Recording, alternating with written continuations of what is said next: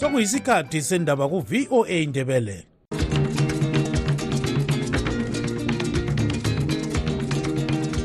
amatshono zihlobo siyalamukela kuhlelo lwethu lwezindaba eziphathelane lezimbabwe. Kustudio 7 eya voice of america sisakaza sisewashington dc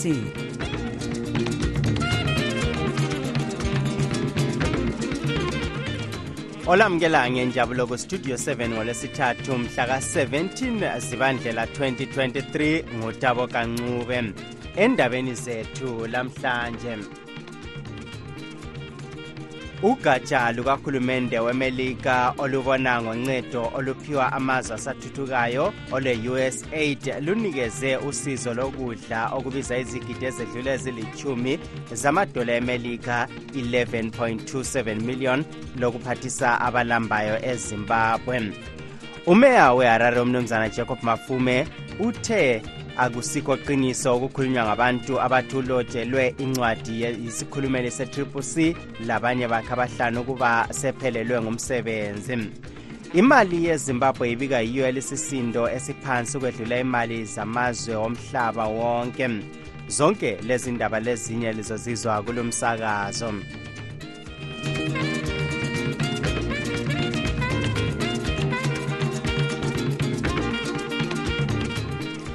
ugatsha lukahulumende wemelika olubona ngoncedo oluphiwa amazwe asathuthukayo olwe-united states agency for international development usaid namhlanje lunikeze usizo lokudla okubiza izigidi ezedlula ezilithumi zamadola emelika 11.27 million dollars phansi kohlelo lwenhlanganiso yomanyano wamazwe omhlaba e-world food program lokuphathisa labo abahlaselwe ludubo lwendlala ezimbabwe. Kubika umlondolozi ndlovu. Usizo lolu lubikwa luzaqondiswa ebantwini abangaba zinkulungwane ezingamakhulu edlula amabili 230,000 abasendaweni ezigoqela imwenezi mangwe buyera lezinye lolu sizo luzakwabelwa abantu kusukela ngozibandlela lonyaka kusiya kumbimbitho ekhuluma embuthanweni wokunikeza ukudla lokhu umholi we-usaid kuleli unkosazana janine davis wazise ukuba ukudla lokhu kuzaphathisa ukwehlisa udubo lwendlala ezimbabwe.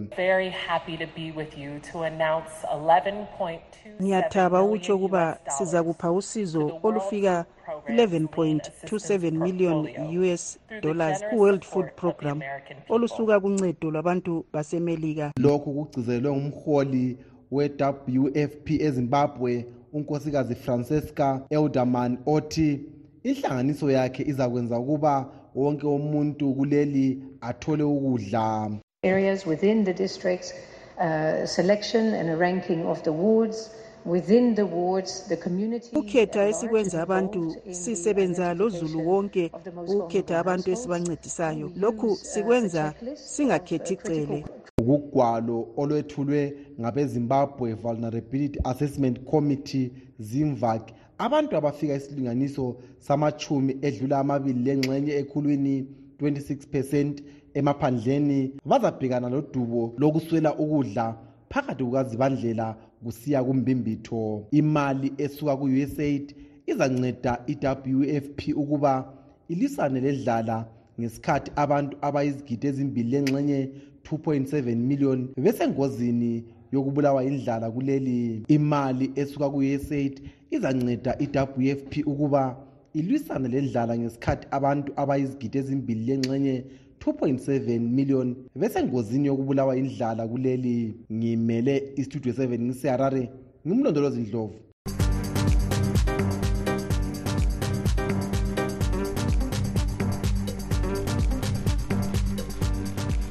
Umeya weharare umnumzana jacob mafume uthi akusikho qiniso okukhulunywa ngabantu abathi ulotshelwe incwadi isikhulumeli se-triple c labanye bakhe abahlanu ukuba sebephelelwe ngumsebenzi.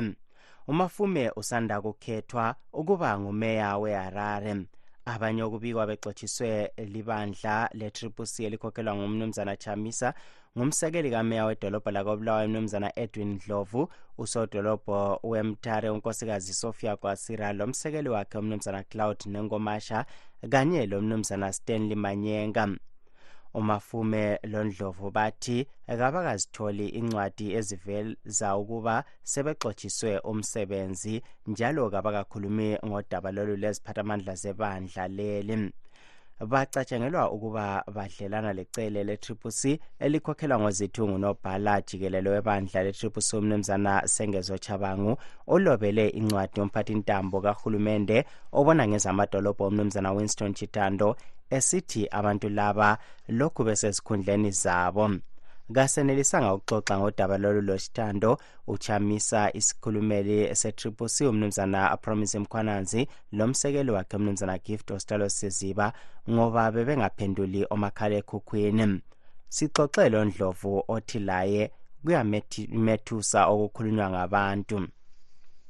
Mina kangikakuzwa ngomuntu sibili angikwazi ngibona nje. Ngifonelwa ngabantu abafonayo endaweni eziningi ezitshiyeneyo. Ukuthi bengiphandle kwedolobho nje ngiyangena kathesi kodwa kayi incingo ngizitholile abantu bembuza kodwa-ke kangilalwazi ngoba kulanto engiyibonileyo kube ngiyazi umphathintambo wemadolobho ukuthi bengakususi esikhundleni seleso labanye abahlanu kambe ukuthi akulalutho olwenzakalayo khonapho kumbe uzezwa ngokuwa kuphela? Angikaboni lutho kube angezwa lutho eqinisweni ngiza nje ngifonela abantu bethi kulezinto njengazona ezenzakalayo ukuthi kulencwadi sengixotshiwe lamanye amakhansela incwadi sihambile kuminista sokubhalwa izincwadi kwenzakalani. Kodwa akula official information kumbe i-communication esengiyitholile angazi lutho ngalolo daba. Ukuthi ubani seyenzeni ubani uthe hayi kanye kwazi angezwa lutho ngikuzwa nje ngifonelwa ngabantu bembuza umbuzo ofanayo kodwa impendulo ngingelayo. Ye singathi-ke ujabangu like laxoxa yini ngodaba lolu? Kumbe unelson chamisa kumbe abanye abakhokhela i-ccc khonapho hatshi akwela mkhokheli esengikhulume naye ngoba kungela mkhokheli ongilandileyo wangitshela ngalolo daba. Kuzaba ngcono nxa kulo mkhokheli ongifonayo engitshela ukuthi kulo daba olunje bese ngikhuluma laye sengimbuza engingambuza khona. Kodwa kathesi akula mkhokheli kumbe ilunga bebandla le-ccc eselingifonele kumbe langipha i-communication yalolo daba. Ye singathi kungenzakala khonokho ukubona ngazani kuyabe kusenzelwani ukuthi bakususe khonapho? Hayi angeke ngiye ngazi ukuthi kungenzeka kumbe kungenzeki. Ngingabe sengiprofitha sengingumprofit wamanga sibili. Ukuthi kuzenzekala khonokho ukuthi ngikhitshwe hhayi kangikwazi lokuthi nxa engaba khona ongafisa ukukwenza abe kwenzelani? Hhayi kangikwazi kulesi sigaba engikiso sona angikatshelwa ulutho olunjengalo nalolo njalo kangikaboni kumbe incwadi ebhalwe ngumuntu kumbe kufonelwe kumbe kuhambe njani. Sokwakathethi nje lami ngisemnyameni nje ngihambe emnyameni sibili angazi lutho. Yikho kangithandi-ke ukuthi ngikhulume ngento engingakayiboni ngethese umuntu icala kumbe ngincome umuntu kumbe ngithini ngomuntu ngingabonanga lutho. Phela i-social media iyasenga ezimithiyo bake isenzela ukuthi balwe ngabantu abaningi so kuningi okwenzakalayo so kulolo daba hatshi angikabi le-information ekhona ukuthi kwenzakalani njalo kumbe kuzahamba njani kuqondile kakuqondanga. Umnumzana edwin dlovu ngumsekeli kameya wedolobho lakobulawayo. Ubexoxa logibbs dube owestudio 7 ekobulawayo. Siphinde saxoxa ngodaba lolu lo mnumzana sengezochabangu vele yonke i-communication iyenziwa ngunobhala jikelele. So bese sibonile ukuthi eh lezi zigqilamkhuba esithi thina ngama-criminals around the president nampa sesibathathele into ade sebeyithethe inhlanganiso eye-triple c bafuna ukuyenzeya sabathathela eh basebebona-ke ukuthi sebethathelwe eh ngoba sesithethe iharare sesithethe i-victoria falls sesithethe imutare sesithethe ibulawayo. The big cities ezimbabwe we are in charge we are in control. The people of zimbabwe are in charge of these cities through i-triple c movement. So abantu bazibusa kuzonezo izindawo laba ama-criminals sebehamba-ke ngasese ngestrategy um esokungena nyovane njengesigiqathuvi um sebehamba ukuthi bayekhipha abantu abasebenzayo. How do you remove umuntu okhethwe kathesi wayenza iharare ingcono lalokhu ayifice iyikho khona. Izibi kazisekho kathesi eharare kule cholera but nangu umuntu ufuna ukukhipha umeya ukwenzela ukuthi kube le-paralysis ukuthi abantu bafe ngendaba yecholera. So yiwo ama-criminals. Yibo-ke akuthiwa ngamasela ku-politician gqilamkhuba esasikhuluma ngazo kudala abantu sebekhona bebona kathesi ukuthi uchabangu le-ofisi yakhe babekhuluma ukuthi kulama-criminals around the president yiwona la ma-criminals esikhuluma ngawo ye kodwa liyazi ngani ukuthi uchamisa nguye oloba incwadi leyi labanye bakhe bayakuphika lokho abantu bafanana eh labantu abaloya emini lebusuku. They can kill they can uh, kill meaning not ngembhobho kill you political eh, in your name. Eh, laba bantu bayakwanisa ukuthi qamba amanga ngebizo lakho bayakwanisa ukuthi benze ukuganga ngebizo lakho. Ama-criminals baganga ngebizo likapresident chamisa. And yikho esasikutsho ukuthi upresident chamisa um usurroundwe ngama-criminals. Um upresident chamisa akasela vision because ama-criminals taken ivision yakhe. Upresident chamisa akasakwazi ukuthi yenzeni ngani ngoba kasakwanisi lokuphefumula ngani ngoba ama-criminals lawa they around him. So by one by one we are eliminating them. And sithe upromise mkhwanazi upromise mkhwanazi eh eh eh eh akala authority. Eh lake lakubona ngapha ukuthi umuntu o-actor okuba ngu-spokesperson of the party. Whether you go in any organization umsebenzi wakhe is prescribed ku-constitution. Nxa kuyikuthi ngumuntu we-triple c kumbe kuyi-bip organization yikukhulumela inhlanganiso. Uyakhipha njani abantu eparliament? Uyakhipha njani abantu ekhansilini uyithatha ngaphi imandate? Yikuganga yibuchapha yingozi leyo efuna ukwenziwa ngama-criminals lo ngumnumzana sengezwa chabanga ozithi ngunobhala jikelelo webandla le-triple c ubexoxa logibbs dube owestudio 7 ekobulawayo.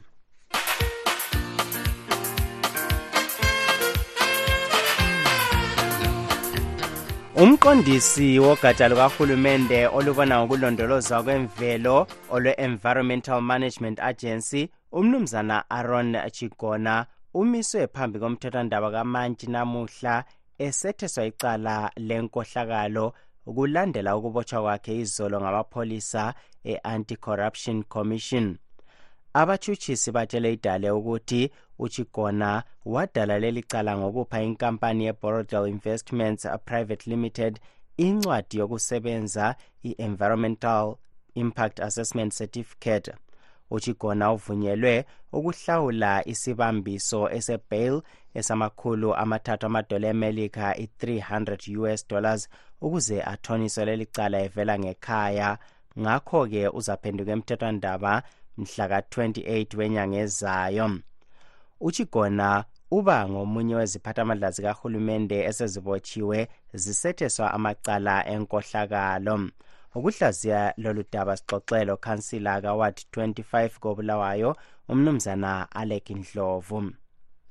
Ngicabanga ukuthi umthetho wakithi kusamele uqiniswe. Umthetho kusamele ube lamazinyo sibilo awokuluma. Uhulumende kusamele akhuphule izinga lokuthi ama-law enforcement agent asebenze njengalokhu edeployiwe njengalokhu elomlando wokuthi umuntu owenza inkohlakala kabotshwe manje esikubonayo kwelakithi yilokho sokwaze kwabizwa ngokuthi i-church and release. Umuntu uyathi ebotshiwe yenze icala elisobala aphinde ayekelwe ngasese akusoze kwenze i-corruption iphele. Okokuqala kumele ukuthi vele thina abantu sibekwazi ukuthi ngezikhundla esiziphetheyo ikakhulu abantu abasebuholini lebukhokhelini kusamele sibekwazi ukuthi isimo sethu siba yisimo esilobuqotho lokuqonda lokuphatha umsebenzi kazulu ngokuqonda okuqondileyo kungasoze kusolakale. Umuntu abe setholakala kusase sephambulile impahla kazulu kumbe senze icala elinjalo. Kusamele umuntu ukuthi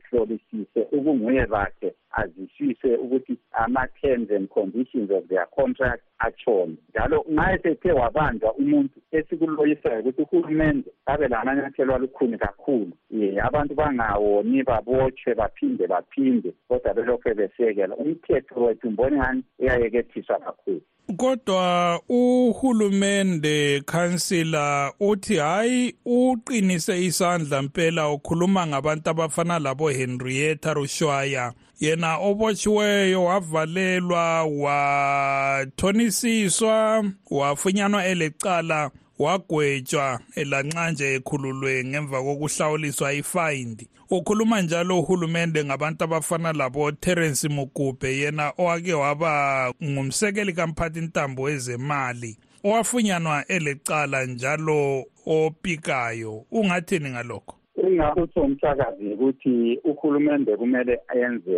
okwedlula lokho ye ngoba iqiniso elikhona ukuthi baningi abathintekayo um lanxa ngingazake nje mbaqambe ngamabizo baningi abathintekayo benze amacala ayesabekayo. Um siyakwazi-ke la lo minister of health ngesikhathi se-procurement yempahla ye-covid wathinteka laye um kwezenkohlakalo. Baningi-ke abathintekayo kwezenkohlakalo esikuloyisayo ukuthi kwezenkohlakalo kakungabi lo muntu okuthiwa ulengalo ezigaqa kumbe ungaphezu komthetho. Umuntu wonke kabotshwe ngoba icala licala. Ikakhulu futhi abasebuholini balomlando wokwenza kuhle okwedlula uzulu ngoba bona phela bakhethe ukuthi baphathe impahla kazulu baphathe imali zikazulu baphathe inotho yelizwe. Nxa sebezayiphambula bayisebenzise kokwabo okuqondane labo mboni ngani licala eliphinde kabili licala elibomvu lelo kumele ukuthi sibili uhulumende abonakalise umzekeliso ngabo labo bantu.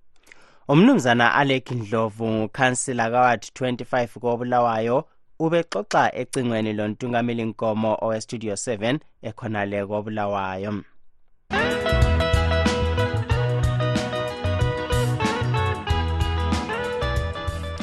Imali yezimbabwe ibikwa yiyo elesisindo esiphansi kwedlula imali zamanye amazwe wonke omhlaba. Intengo yempahla ibikwa iqonga ngesilinganiso sokwedlula inkulungwane ekhulwini i-1072 percent. Kodwa uhulumende wezimbabwe yena uthi lesi silinganiso singamachumi amabili lasithupha ekhulwini i-26,5 percent. Lokhu kuphume embikweni owethulwe ingcwethi yezenotho emazweni omhlaba uprofesa steve hank ngeviki edluleyo oveza ukuthi idola lemelika elilodwa selithengwa ngenkulungwane ezedlula ezilichumi zamadola ezimbabwe i-12500 zimdollars. Ukuhlaziya lolu daba sixoxa lengcwethi yezenotho njalo ekhokhela inhlanganiso emela amalungelo abathengi e-national consumer rights association umnumzana efincube. Yinto ebuhlungu kakhulu leyo ngokuba isisindo semali amandla okuthenga emali ayathinta ukuthi kambe abantu abakuzuzayo kuyabafikisa yini ekupheleni kwenyanga elandelayo kuyenela yini ukuthi kondle abantwana.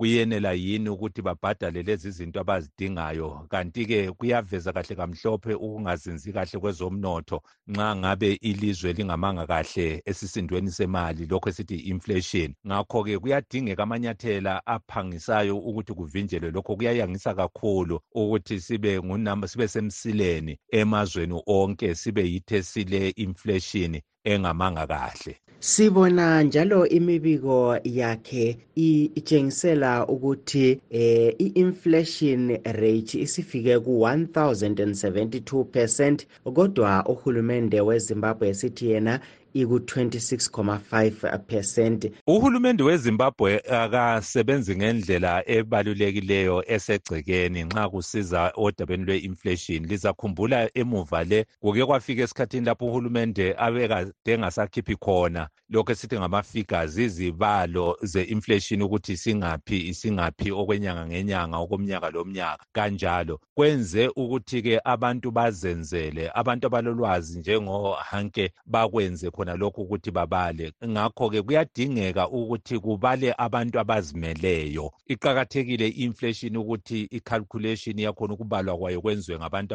abazimeleyo. Abangasoze bafihle ukonakala abangasoze njalo baveze ukonakala okungekhoyo. Ngakho-ke kuyadingeka ukuthi i-independent board engasezikhetha uhlangothi engasoze ifuna ukuthabisa uhulumende engasoze ifake ama-figures athandwa nguhulumende kodwa ezafaka izinto njengoba zinjalo izibalo njengoba zinjalo ngoba phela la ma-figures la lezi inombolo ziyasetshenziswa ngabafuna ukuzohlanyela imali ukuthi beze kumbe bangeze elizweni. Konke khona lokho kuyasiza nxa kuyabe kusenziwa ngabantu abazimeleyo. Ilizwe lingabe lilahleka njani okokuthi imali yalo iyaswela amandla okwedlula imali zamazwe asempini.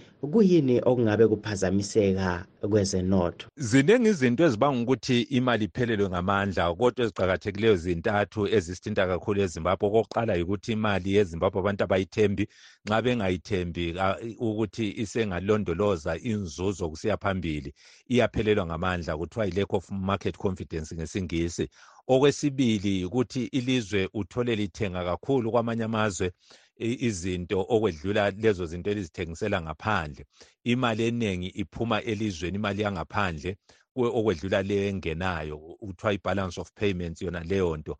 Nxa ngabe izinto eziningi sezithengwa ngaphandle okwedlula thina esizithengisela amanye amazwe si-negative kuthiwa i-negative balance of payments kuyabe sokuhlupha kuthatha amandla emali khona lokho. Okunye okwesithathu yikuthi amazwe imali yamanye amazwe nxa isilela kusilela i-foreign currency kuyenza ukuthi imali lezo zibe lamandla okwedlula imali yalelo lizwe. Yiwaphi amanyathelo okufanele abe ethathwa nguhulumende ukuze alungisise lolu dubo? Into eqakathekileyo uhulumende adingakala ukuthi ayenze yikuthi alungisise ipolitiki. Nxa ingamanga kahle ipolitiki ezomnotho kazisoze zime kahle. Nxa zingamanga kahle ezomnotho imali yezimbabwe kayisoze iwazuza amandla. Lezo zinto ziqakatheke kakhulu. Kumele alungise ubudlelwane labanye amazwe kumele alungise indlela esithengisa ngakhona izinto kwamanye amazwe. Silezi izinto eziningi esizithengisela amanye amazwe ezingasilethela i-foreign currency kodwa iyebiwa leyo mali. Ngakho kuyadingeka ukuthi uhulumende alwisane lenkohlakalo ikakhulu kwezembiwayo. Kuyadingeka njalo ukuthi uhulumende avuselele i-industry ukuze phela sikwazi ukuthengisela amanye amazwe izinto eziningi. Abize njalo i-investment ivele kwamanye amazwe isilethele imisebenzi. Umnumzana efincube yingcwethi yezenotho njalo ekhokhela inhlanganiso emela amalungelo abathengi e-national consumer rights association nacora